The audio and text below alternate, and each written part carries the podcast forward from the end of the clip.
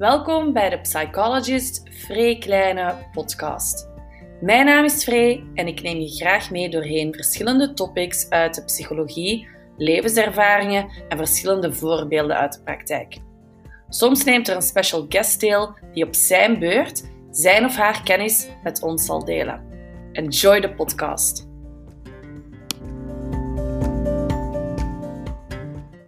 Hey, welkom. Blij dat je erbij bent en luistert naar mijn podcast.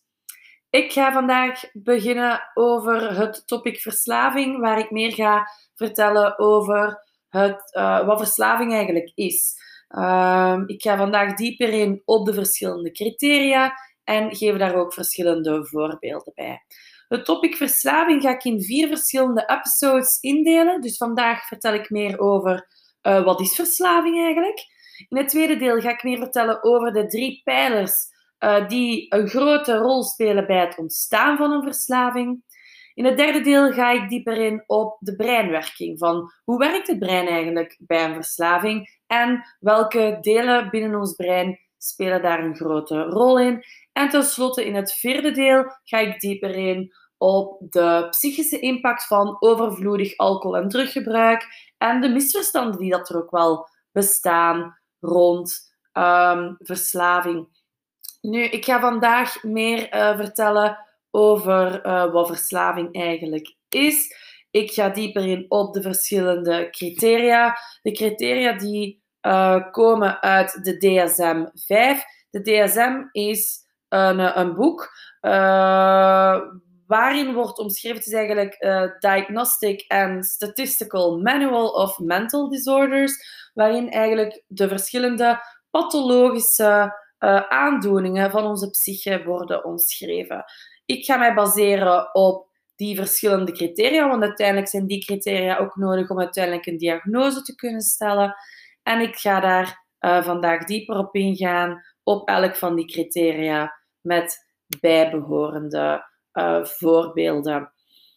Dus, ja, wat is eigenlijk een verslaving en wanneer spreken we van een verslaving? Um, er zijn verschillende criteria die daar dus toe doen. Er zijn elf criteria waar rekening mee wordt gehouden voor een diagnose wordt gesteld van um, verslaving. En een eerste belangrijk criteria is tolerantie. En tolerantie houdt eigenlijk in dat je gaat merken als je bijvoorbeeld drugs of alcohol gebruikt, dat je meer en meer gaat nodig hebben van hetzelfde middel om hetzelfde effect te bereiken. Er is een tolerantie van jouw lichaam. Een tolerantie is opgebouwd, dus eigenlijk jouw lichaam is daaraan gewend geraakt. En daardoor ga je dus merken dat je meer en meer uh, nodig hebt om hetzelfde effect te krijgen van dat middel, van die drugs of van die alcohol. Dus dat is één belangrijk criteria, is tolerantie. Een tweede is onthoudingsverschijnselen. En um, dat noemen we ook wel ontwenningsverschijnselen. En die worden eigenlijk uh, minder hevig wanneer je meer van dat middel gebruikt. Bijvoorbeeld alcohol is een van de enige uh, drugs waar mensen eigenlijk, als ze daar plots mee stoppen, of een van de weinige drugs, want dat is bij GHB ook het geval. Maar alcohol is dus een van de weinige drugs als jij daar zwaar verslaafd aan bent en jij stopt daar van de ene op de andere dag mee, kan het zijn dat dat zelfs levensbedreigend wordt. Dan spreken we wel uh, over heel heftige uh, mensen die uh, een heel heftig alcoholprobleem hebben, maar waar wel um, zware ontwenningsverschijnselen zijn, zoals trillen, zweten, hartkloppingen enzovoort. Um, daarom is het belangrijk als je ervoor zou kiezen van hey, ik wil graag van mijn alcoholprobleem af, dat je dit ook um, onder medische begeleiding laat doen. Vaak zien we ook dat mensen die um, heel zwaar drinken, veel te weinig eten, waardoor dat ze als je opnieuw terug begint te eten, moet dat ook allemaal opgevolgd worden, omdat jouw lichaam vaak uh, die bepaalde voedingsstoffen niet meer goed kan verwerken of zelfs gaat opstapelen, waardoor dat het ook gevaarlijk kan worden. Dus dat zijn een paar redenen waarom het zo belangrijk is dat je onder goede begeleiding eigenlijk kan afbouwen en uiteindelijk clean worden. Maar dus onthoudingsverschijnselen, ontwenningsverschijnselen is een tweede criteria die wordt bekeken van oké, is daar last van ja of nee? En wat ook belangrijk is, is als je dan last hebt van ontwenningsverschijnselen en je gaat opnieuw drinken, dat die dan ook minder worden. Dus dat is ook een van de uh, criteria die erbij hoort. Een derde is dat je het middel, drugs of alcohol, vaak in grotere hoeveelheden of gedurende een veel langere tijd aan het gebruiken bent dan dat je eigenlijk van plan was. Een voorbeeld, um, ik ga vanavond um, naar de kroeg of ik ga vanavond naar vrienden en ik ga twee glazen wijn drinken en daar hou ik het bij. Maar dan merk je dat daar toch vaak geen rem meer op zit. Dat is iets wat ik ook heel vaak hoor van mensen van ja, het is zo moeilijk geworden, want ik drink er één en de rem gaat er gewoon volledig af. Ik kan, ik heb het gevoel, beter gezegd, alsof ik niet meer kan stoppen. En dat is dus een belangrijk criteria. Het, het gebruiken van meer of langere tijd dan dat je eigenlijk van plan waart. Een vierde belangrijk criteria is dat er een, een wens is om eigenlijk te stoppen met die alcohol of met die drugs. Dat er eigenlijk een, een aanhoudende wens is dat je er graag mee wilt stoppen, maar dat er weinig succesvolle pogingen zijn geweest. En dat is eigenlijk wel, vind ik ook wel een goed teken. En dan bedoel ik vooral mee, als je al de pogingen aan het doen bent om te minderen of om te stoppen, dat wil zeggen dat, je, dat er al iets van verandering aan het gebeuren is. Dat je bewust bent van, hé, hey, dit loopt uit de hand, ik heb een probleem en ik wil daar graag verandering in brengen. Dus bekijk dat zeker niet als een falen als je pogingen al hebt gedaan en dat het niet lukt. Ga alsjeblieft niet denken van, ik moet me hierbij neerleggen met die verslaving. Die verslaving heeft gewonnen. Ik ga het nooit kunnen. Zoek professionele hulp dan. Daar is niks verkeerd mee. Ehm, en dat is vaak ook de stap die dat er volgt op, op al heel veel stoppogingen. Nogmaals, ik, ik zie dat dagelijks. Mensen die al soms jaren aan proberen te stoppen zijn, maar dat gewoon niet lukt. En dan, dan is het echt oké om, om professionele hulp te komen vragen. Dus dat is een vierde criteria. Een vijfde is dat er een heel groot deel van jouw tijd naar uh, activiteiten gaan die te maken hebben met uh, bijvoorbeeld um, het komen aan het middel. Bijvoorbeeld, um, ook een voorbeeld uit de praktijk, wakker worden um, en tijdens de ochtend eigenlijk al beginnen denken, wow, uh, nu moet ik nog eerst gaan werken, maar straks kan ik wel drinken. Rond een uur of vijf ben ik thuis en dan kan ik dat eerste glas inschenken.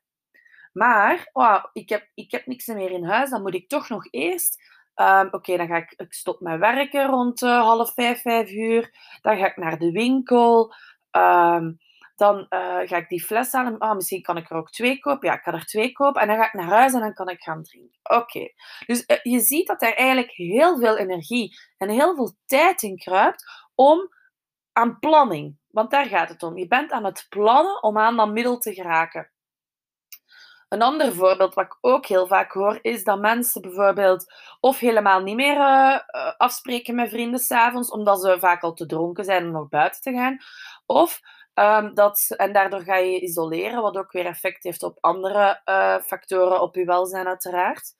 En uh, een tweede is ook dat uh, mensen vaak gaan bijvoorbeeld rapper weggaan of zo, als ze dan toch nog wat sociale contacten hebben en ze gaan naar vrienden s'avonds, dat ze eigenlijk denken van, ik zou hier eigenlijk veel rapper willen drinken dan de rest, of nog meer willen drinken. Dus die trek, die craving is zo hard. Maar ja, dat is dan vaak, ze willen dat dan vaak verborgen houden. Dus gaan ze eerder naar huis gaan, want thuis kunnen ze gewoon hun gang gaan. En uh, ja, dat is ook een deel van het plannen. Dat is dus ook een groot deel van jouw tijd en energie die gaat naar het plannen om weer aan meer drank of drugs te komen.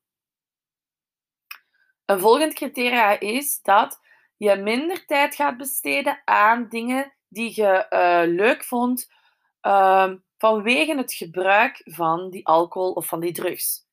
en dat is een beetje wat ik daarnet ook omschreef. Hè, van ja, ehm, minder hobby's gaan doen, uh, minder vrije tijdsbestedingen die je eigenlijk heel veel plezier doen of waar dat je veel energie van krijgt, maar dat je die eigenlijk minder gaat doen. Soms ook werk, hè.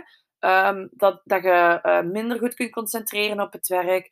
Of dat je uh, gewoon, omdat je slaapkwaliteit ook enorm achteruit gaat door alcoholgebruik um, en drugs, um, dat je bijvoorbeeld echt heel moe en uitgeput opstaat. Dus ja, uiteraard heeft dat een effect op jouw functioneren. Dus daar merk je van dat belangrijke bezigheden, dat je daar minder um, om geeft of dat je daar zelfs mee stopt, omdat uh, door het middel, of door het middel ja, dat je gebruikt. Een ander criteria is het, um, het continue gebruik. Hoewel dat je weet dat het lichamelijke en psychische problemen met zich meebrengt en verergert. Kijk, dat is een heel belangrijk onderdeel binnen verslaving.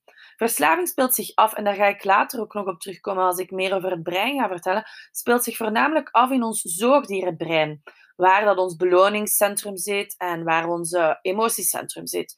Dus um, verslaving is enorm, enorm hardnekkig.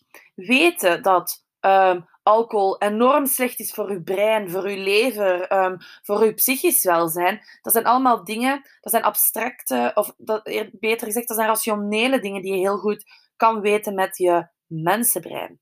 Hetzelfde als met roken of um, uh, drugs. Iedereen weet hoe slecht dit is voor je lichaam en voor je brein en voor je psyche, maar je blijft toch gebruiken. Dat hoor ik ook heel vaak. Ik weet dat het zo slecht is. Waarom blijf ik het dan doen? Mensen worden daar ook vaak wanhopig van. Um, en, en het kunnen uitleggen van, kijk, dit is wat verslaving eigenlijk is. Dit is wat er gebeurt in jouw brein, geeft vaak ook wel rust. En dat vind ik een hele belangrijke van, jij bent jouw verslaving niet. Die verslaving, dat is iets, iets anders dat speelt. Maar jij die, die wilt stoppen, zijt jij. Dus een belangrijk criteria hier ook is het blijven gebruiken, ondanks je weet dat het eigenlijk gewoon rood en rood slecht is. Oké. Volgende is um, dat je door het gebruik eigenlijk niet meer voldoet op verplichtingen, zoals op je werk of op school of thuis. Um, ja, dat je merkt ook daar weer van, uh, vaak hoor ik ook van, ik heb eigenlijk veel minder interesse um, in familieleden of in relaties met vrienden of uh, in mijn werk of in hobby's. Je wordt afgevlakt. Hè? Dat is wat drugs doet. Ik heb gewoon het woord drugsgebruik, want alcohol valt daar zeker ook onder. Alcohol is een hard drugs, hè mensen. Um, ik denk dat dat heel vaak vergeten wordt, maar dat is een absolute, enorm verslavende hard drugs. Dus um, daaraan merk je ook van, het vlakt gewoon je volledig af. Um, het is een dempend iets. Het, het, het uh, vervlakt emoties. Het vervlakt uh, eigenlijk uw ziel. Ik zeg altijd, alcohol en drugs legt een filter op jouw ziel. En daardoor functioneert je eigenlijk ook niet meer hoe je echt bent. Um, dus dat is een, een criteria van, oké, het niet meer voldoen aan bepaalde verplichtingen die je hebt. Een ander iets is, is dat door het gebruik je herhaaldelijk in situaties kunt verzeilen waarin het gevaarlijk wordt. Bijvoorbeeld, denk aan rijden, uh, in het verkeer deelnemen terwijl je onder invloed bent. Maar ook uh, zelfmoordgedachten die dat bijvoorbeeld meer naar boven kunnen komen of meer getriggerd kunnen worden en waardoor dat je meer uh, actie gaat, acties gaat doen die je eigenlijk niet zou gedaan hebben als je nuchter waart of uh, vechtpartijen. Kijk, alle, alles wordt, alle lijntjes worden dunner. Dus ook hoe je je gedraagt ten opzichte van je omgeving, maar ook de keuzes die je maakt. Overwogen keuzes zijn gewoon niet meer mogelijk. Een volgende criteria gaat over het sterk verlangen hebben naar het gebruik. Craving of trek um, zijn heel belangrijke uh, aspecten van een verslaving rond een bepaald uur in de dag uh, of op een bepaald uur in de dag, als je ergens voorbij loopt, als je bepaalde mensen ziet. Heel veel verschillende uh, zaken kunnen trek gaan oproepen. Dus het is een heel sterk verlangen om te gaan gebruiken. En ook het voortdurend gebruik van het middel, ondanks dat er problemen zijn binnen relaties. Bijvoorbeeld ruzies met uw partners, uh, partners of partner, uh, ruzie met uw kinderen, ruzie met uh, collega's, vrienden, noem het maar op. Ondanks dat het problemen oplevert, toch blijven gebruiken. Dat waren de elf criteria waar we naar gaan kijken van oké, wanneer spreken we uh, van een verslaving, kunnen we die diagnose stellen. Er zijn wel verschillende um, gradaties binnen een, een verslaving. En we hebben een milde stoornis in het gebruik van middelen. We spreken over een gematigde stoornis of over een ernstige stoornis. En um, er wordt de diagnose van een milde stoornis wordt gegeven wanneer er sprake is van twee of drie criteria. Wanneer er sprake is van vier of vijf criteria, uh, gaan we spreken over een gematigde verslaving. En bij zes of meer criteria spreken we over een ernstige uh, stoornis in het middelengebruik of over een verslaving. Dus dit waren een beetje de, um, ja, de criteria hoe ze omschreven worden binnen de DSM, hoe een diagnose wordt gesteld. Maar ik denk dat het ook wel interessant is om voor jezelf eens na te gaan van hey, wat herken ik hier eigenlijk in? En um, ja, misschien dat het toch wel wat, wat inzichten kan bieden, um, ook voor jezelf. Wees eerlijk naar jezelf, maar vooral ook lief. Weet dat verslaving een ernstig iets is, dat is een ernstige aandoening. Je kunt er vanaf geraken, absoluut. Ik zie het elke dag. Um, ja, binnen het werk dat ik doe, het lukt. Je kunt het, maar wees alsjeblieft niet verlegen om hulp te vragen. Daar is niks verkeerd mee. Um, en gun jezelf dat ook gewoon. Zo. Als er vragen zouden zijn of je uh, wilt graag een uh, traject opstarten, je kan mij altijd mailen, ook voor een vrijblijvend kennismakingsgesprek, op info.vreekleine.com. Tot snel en uh, de volgende episode gaat over het uh, ontstaan van verslaving. Oké, bye.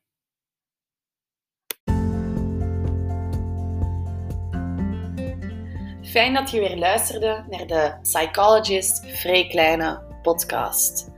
Om op de hoogte te blijven van verschillende topics uit de psychologie, blijf zeker luisteren. Deel mijn podcast met anderen waarvan je denkt dat ze er zeker baat bij kunnen hebben. Als je vragen hebt of er zijn topics die nog niet aan bod gekomen zijn en waar je graag meer over wil weten, stuur me gerust een mailtje op info.vreekleine.com of als je graag een persoonlijk traject wilt starten, kan dat uiteraard ook. Er is altijd ruimte voor een vrijblijvend kennismakingsgesprek, waarna je nog altijd een verdere beslissing kan nemen. Tot snel, bye bye.